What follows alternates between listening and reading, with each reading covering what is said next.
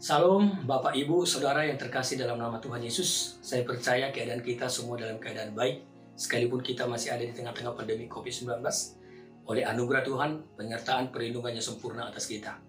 Kita akan mulai Eva kita, tapi sebelumnya mari kita satukan hati kita, kita tundukkan kepala kita, kita bersatu dalam doa.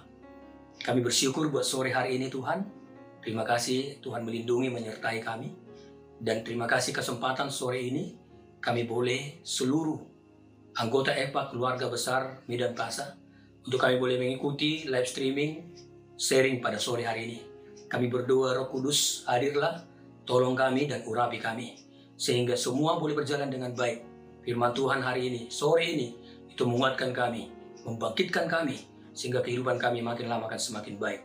Terpujilah nama Tuhan, bagi mula Tuhan segala pujian, hormat kami, kemuliaan dari sekarang sampai selama-lamanya. Dalam nama Tuhan Yesus, kita yang percaya dan diberkati, sama-sama kita katakan, amin. Baik, puji Tuhan Bapak Ibu, kita tahu bahwa tema kita di bulan ini, yaitu menjadi senjata kebenaran. Untuk itu, mari kita baca Alkitab kita yang diambil dari Roma pasal 6, ayat 13, Alkitab berkata demikian, Dan janganlah kamu menyerahkan anggota-anggota tubuhmu kepada dosa untuk dipakai sebagai senjata kelaliman. Tetapi serahkanlah dirimu kepada Allah sebagai orang-orang yang dahulu mati, tetapi yang sekarang hidup. Dan serahkanlah anggota-anggota tubuhmu kepada Allah untuk menjadi senjata-senjata kebenaran. Melalui ayat ini jelas dikatakan, Tuhan mau seluruh hidup kita, seluruh anggota-anggota tubuh kita, kita serahkan kepada Allah untuk dipakai menjadi senjata-senjata kebenaran. Kita tahu senjata itu satu alat, itu bisa mengalahkan musuh, menghancurkan musuh. Jadi Tuhan mau kita pastikan bahwa hidup kita ada di tangan Tuhan, bukan di tangan iblis. Hidup kita telah dipulihkan, hidup kita telah ditebus, itu saja Tuhan mau melalui Rasul Paulus dikatakan bahwa Tuhan mau seluruh gereja Tuhan, khususnya kita, anggota-anggota Eva, keluarga besar Medan Plaza, sore hari ini, biarlah kita mengambil komitmen, mengambil sebuah keputusan bahwa mulai hari ini kita akan menyerahkan seluruh anggota-anggota tubuh kita kepada Allah untuk dipakai menjadi senjata-senjata kebenaran. Luar biasa saudara. Tuhan katakan bahwa seluruh anggota tubuh kita, saya akan jabarkan mulai dari atas. Kepala kita, ya, ada pikiran, Alkitab berkata di Amsal 23:7 bahwa bahwa sebagaimana kita berpikir maka seperti itulah kita. Jadi hati-hati dengan pikiran kita. Tuhan mau ya hari-hari ini biarlah pikiran kita itu selaras dengan pikiran Kristus. Dijelaskan, ditegaskan di Filipi 4 ayat 8 dikatakan seperti ini. Semua yang benar, semua yang suci, semua yang baik, semua yang sedap dengar, dan yang patut dipuji, pikirkanlah semuanya itu maka Allah damai sejahtera akan memenuhi hati dan pikiran kita. Luar biasa. Jadi hari ini kita diingatkan seluruh anggota EPA tanpa terkecuali. Biarlah mulai sore hari ini kita berkomitmen. Kita serahkan seluruh pikiran kita kepada Allah. Dan itu akan dipakai menjadi senjata. Senjata kebenaran. Amin Bapak Ibu. Saya rindu, mari ini komitmen kita. Yang kedua saudara, mata kita jadi Tuhan mau mata kita juga kita serahkan kepada Tuhan. Matius berkata, kalau mata kita terang, maka teranglah seluruh tubuh kita. Tapi kalau mata kita gelap, maka gelaplah seluruh tubuh kita, seluruh anggota-anggota tubuh kita. Hari-hari ini saudara, mata kita itu perlu saudara, kita kuduskan dan kita serahkan kepada Tuhan. Semua kita punya smartphone saudara. Apa yang kita lihat hari-hari, apakah berita baik? Apakah kita senang melihat berita baik atau berita-berita yang buruk? Tapi saya berdoa mari saudara, saat kita mungkin melihat handphone kita, smartphone kita, yang kita lihat adalah berita-berita yang baik. Berita-berita yang jahat itu tidak terlalu kita perhatikan. Tapi saya berdoa saudara, hari-hari ini biarlah mata kita menjadi mata yang selalu melihat hal-hal yang baik. Terus telinga kita. Tuhan berikan dua telinga kepada kita. Tuhan mau mari kita lebih banyak lagi mendengar apa yang menjadi tuntunan Tuhan kita mendengar apa yang menjadi apa yang dikatakan dalam firman Tuhan. Alkitab berkata di Roma 10 ayat 17 bahwa iman timbul dari pendengaran dan pendengaran akan firman Kristus. Hari-hari ini mari kita memilih untuk kita banyak membaca firman Tuhan, membaca Alkitab. Jadi saat kita membaca bersuara. Kalau kita berkata saat kita membaca firman Tuhan, kita dengar, maka iman kita akan timbul. Iman kita akan muncul. Kalau iman kita kuat, kita bisa mengalahkan dunia ini. Jadi jangan terlalu banyak mendengar hal-hal yang tidak baik, saudara. Jangan kadang-kadang kita, ya kadang-kadang kita lebih lebih senang mendengar gosip, gitu ya. Makin digosok makin sip. Padahal itu tidak akan membawa kekuatan bagi kita, nggak membawa faedah. Tapi hari-hari ini mari saudara, Tuhan mengingatkan kita, biarlah telinga kita, kita arahkan kepada Tuhan. Kita banyak mendengar perkataan-perkataan Tuhan. Yang berikutnya, mulut kita. Saya mau lebih fokus di sini. Mulut kita, itu Tuhan mau kita persembahkan kepada Tuhan Bapak dan Ibu. Tahun ini adalah tahun 5781, tahun P, P Alep, lambangnya itu mulut. Jadi Tuhan mau, saudara, mulut kita, kita persembahkan kepada Tuhan. Saya teringat di kitab uh, Efesus pasal 4, saya akan bacakan dengan cepat untuk kita. Betapa pentingnya hari-hari ini mulut kita. Itu harus kita persembahkan untuk Tuhan. Efesus pasal 4 ayat 29 kita berkata demikian.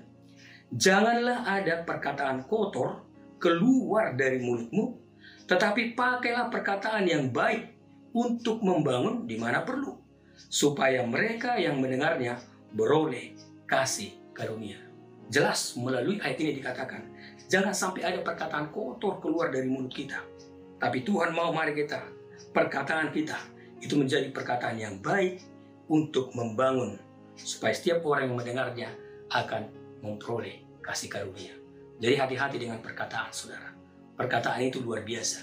Itu bisa melemahkan orang lain, tapi bisa juga perkataan itu akan membangun orang yang mendengar perkataan kita. Yang menjadi pertanyaan bagi kita, Bapak dan Ibu, bagaimana supaya Tuhan bisa memakai perkataan kita, lidah kita, dipakai menjadi alat senjata-senjata kebenaran dalam tangan Tuhan. Saudaraku, saya teringat peristiwa Pentakosta. Nanti kita baca. Ya, tapi saudara boleh boleh catat mungkin saudara yang punya pulpen catat di kisah Rasul 2 ayat 1 sampai 4 saudara. Pada saat orang-orang orang percaya berkumpul dalam satu tempat, Alkitab berkata, tiba-tiba ada suatu bunyi seperti tiupan angin keras hingga pada lidah-lidah mereka. Dan mereka mulai berkata dengan bahasa-bahasa lain. Saudara ini dahsyat. Saya perhatikan saudara. Itu sebenarnya Yakobus 3, kalau kita baca ayat 1 sampai 10. Perikopnya di situ ada dikatakan, dosa karena lidah. Jadi kalau kita bisa menguasai perkataan kita, di situ jelas dikatakan, maka kita bisa menguasai seluruh anggota-anggota tubuh kita. Hingga secara kebetulan saudara maka di, kita ada di tahun P Alek 5781. Tuhan mau kita fokus. Hati-hati dengan perkataan. Karena perkataan itu sangat dahsyat dan luar biasa. Jadi hari ini supaya perkataan kita menjadi perkataan yang baik, yang bisa membangun, menguatkan orang lain, ada dua hal yang perlu kita perhatikan. Yang pertama, mari saudara, izinkan ya, izinkan Roh Kudus itu menjamah lidah, mulut kita, perkataan kita. Pada saat Pentakosta, pencurahan Roh Kudus terjadi, maka anggota tubuh yang pertama kali dijamah itu adalah mulut, lidah. Saya percaya Tuhan tahu rahasia ini.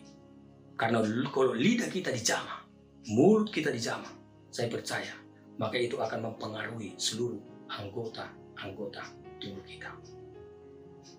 Saya punya kesaksian di sini, saya, saya berikan sedikit. Jadi pada tahun, sebenarnya saya itu udah lahir baru tahun 94. Saya ingat dulu di GKI, Jalan Hasanuddin. Saya lahir baru. Dari 94, 95 sampai 96, saya mengikut Tuhan. Bahkan saya sudah melayani Tuhan. Pada saat itu saya rindu untuk dipenuhi roh kudus saya sudah tahu tanda awal seseorang penuh Roh Kudus, maka dia harus bisa berbahasa roh gitu. Tapi selama tiga tahun itu, saudara, ada dibilang siapa yang mau dipenuhi Roh Kudus? Saya maju ke depan, maju dan berulang-ulang, berulang-ulang. Tapi tetap saja saudara, saya belum menerima yang namanya baptisan Roh Kudus. Puncaknya saya ingat pada tahun 2000, waktu saya sudah beribadah di Medan Plaza, itu di bulan 2, kebetulan ada teman saya, teman satu kos saya bilang, Le, Le mau nggak? Hmm, mengikuti dua pelepasan gitu dia bilang. Apa itu dua pelepasan? Pokoknya apa yang mengikat lain selama ini itu akan dilepaskan. Saya sadar saat itu betul-betul saya banyak yang mengikat saudara. Ada ada hal-hal yang mengikat saya dan saya nggak ada kemampuan nggak ada kemampuan untuk bisa lepas dari itu. Dan dia bilang oke okay, kalau gitu kita nanti ke sana leh tapi Lai harus siap. Ada nanti itu formulirnya itu tiga tiga sampai empat lembar. Lai harus isi dia bilang seperti itu. Pokoknya Lai harus jujur.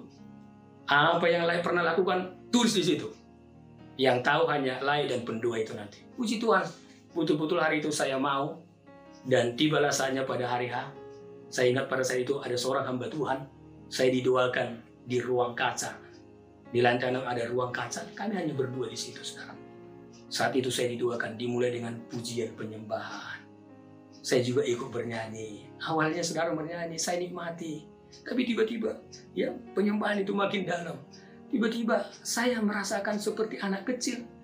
Saya, saya mulut saya itu seperti berkata seperti itu. Dan nggak bisa ditahan. Saya udah mau mau tahan tapi nggak bisa ditahan. Malah makin saya menangis, makin saya menangis. Rupanya pada saat itu saya mengalami yang namanya baptisan Roh Kudus. Lidah saya dijamah saudara Bapak Ibu. Itu peristiwanya tahun 2000 di bulan 2. Peristiwanya saudara. Apa yang terjadi mulai saat itu? Puji Tuhan saudara. Ternyata benar.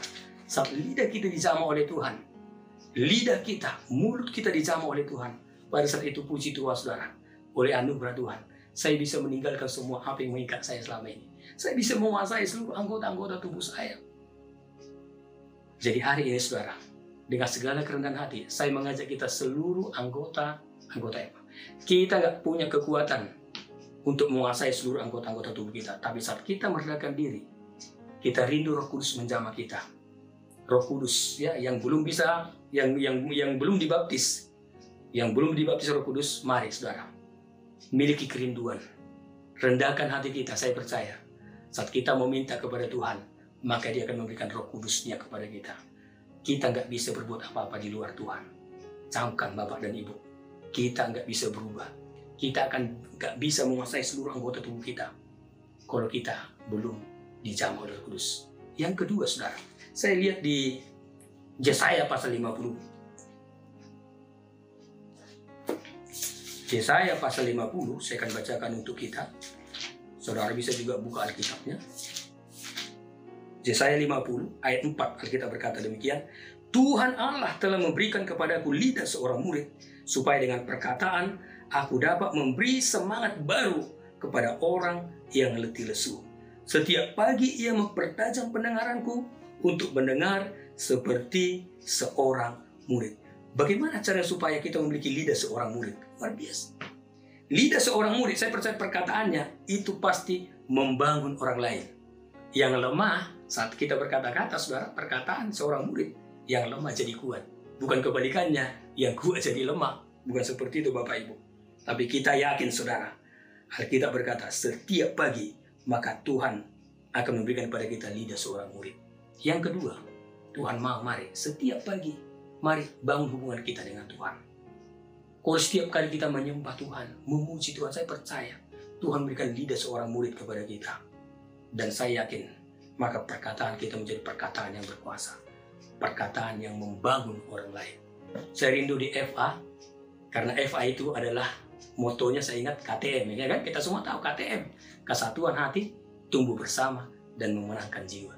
Kita kan bertumbuh bersama-sama kalau di antara kita semua perkataan kita itu saling menguatkan. Jangan sampai perkataan kita melemahkan orang yang rajin empa, jadi nggak datang lagi minggu depan. Itu karena apa? Karena perkataan kita kadang-kadang. Tapi hari-hari ini mari, biarlah lidah kita akan dijamah oleh Tuhan. Ya, caranya yang kedua, mari kita setiap pagi kita datang dan sujud kepada Tuhan. Jadi yang pertama saudara, kita izinkan Roh Kudus mengundi hati kita. Kita harus dibaptis Roh Kudus. Ya, lidah kita harus dijamah oleh Tuhan. Yang kedua, setiap pagi datanglah kepada Tuhan, sujud menyembah. Yang berikutnya anggota tubuh kita, saya akan tutup dengan hati. Hati itu nggak nampak, tapi hati itu ada di dalam saudara. Hati ini sangat penting. Itu sebabnya dikatakan di Amsal 4 ayat 23. Jagalah hatimu dengan segala kewaspadaan, karena dari situlah terpancar kehidupan. Saat kita menjaga hati kita, saya percaya akan ada kehidupan. Saya berikan satu uh, beberapa contoh di Alkitab. Orang-orang yang tidak bisa menjaga hati, kehidupannya tragis, saudara. Saya rindu jangan sampai itu kita alami. Kita ingat peristiwa bagaimana Saul, ya. Pada saat Saul itu mendengar ada ya perempuan-perempuan Israel pada saat itu di Samuel 18 kita nanti akan baca. Di situ dicatat bahwa mereka menari-nari sambil bernyanyi seperti ini. Saul mengalahkan beribu-ribu, tetapi Daud mengalahkan berlaksa-laksa. Saat Daud mendengar perkataan seperti itu, Alkitab berkata hatinya itu panas. Dia, dia dengki, hatinya itu panas mendengar perkataan seperti itu. Apa yang terjadi? Saat dia nggak bisa menjaga hatinya, bukannya diserahkan kepada Tuhan, tapi diserahkan kepada iblis. Hatinya dikuasai oleh iblis. Dia dengki, dia iri. Maka, saudara lihat, puncaknya dia mau membunuh yang namanya Daud. Puji Tuhan, Daud dilindungi sertai Tuhan sehingga dia lolos dari situ. Artinya, saudara, kalau kita nggak bisa menjaga hati kita, kita iri hati, kita dengki, maka itu nanti akibatnya kita akan mampu nanti kita akan dituntun untuk bisa membunuh, menghancurkan hidup orang lain. Tapi Tuhan nggak mau seperti itu. Biarlah kita menyerahkan hati kita kepada Tuhan, kepada Allah, supaya dipakai menjadi senjata, senjata kebenaran.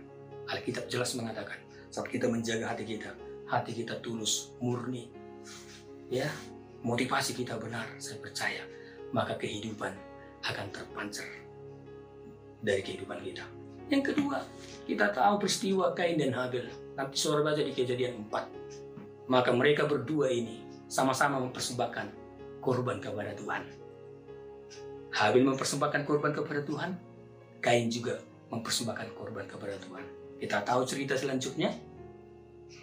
Persembahan Habel itu diterima oleh Tuhan, tapi persembahan Kain tidak diindahkan Tuhan, artinya ditolak Tuhan. Apa yang terjadi? Itu membuat hati Kain itu menjadi panas. Hatinya panas karena persembahannya nggak diterima. Persembahan adiknya diterima. Apa yang terjadi? Hatinya panas. Dan karena hatinya panas, dikuasai oleh iblis, maka kita tahu peristiwa selanjutnya Kain itu membunuh adiknya Habil. Bahaya sekali kalau kita nggak bisa menjaga hati kita. Itu sudah jelas dikatakan biarlah di bulan ini kita seluruh anggota Eva. Mari kita memilih apa pun yang terjadi. Kita serahkan hati kita kepada Tuhan supaya dipakai menjadi senjata-senjata kebenaran. Yang berikutnya saya baca di Yakobus. Saya akan tutup di sini Yakobus pasal 3 kitab Yakobus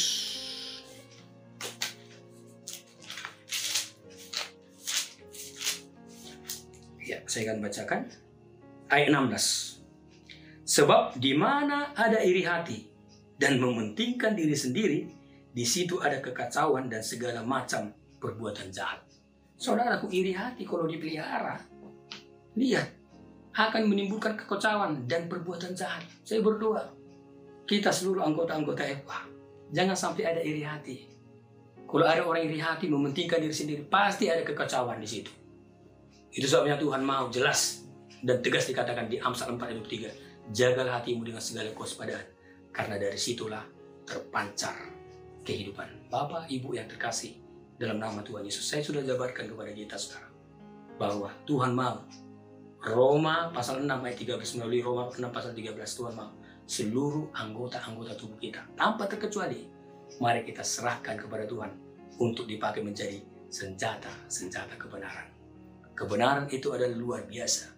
Kebenaran yang memulihkan, kebenaran yang menyelamatkan, kebenaran yang memulihkan, menyembuhkan setiap kita.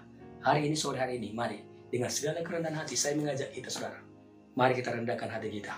Kalau selama ini mungkin anggota-anggota tubuh kita, kita serahkan kepada iblis dipakai menjadi senjata kelaliman. Tapi mulai hari ini, kesempatan ini kita pergunakan. Mari kita berkomitmen, Tuhan, mulai sekarang kami akan serahkan seluruh anggota tubuh kami. Kami serahkan hanya kepada Engkau Tuhan.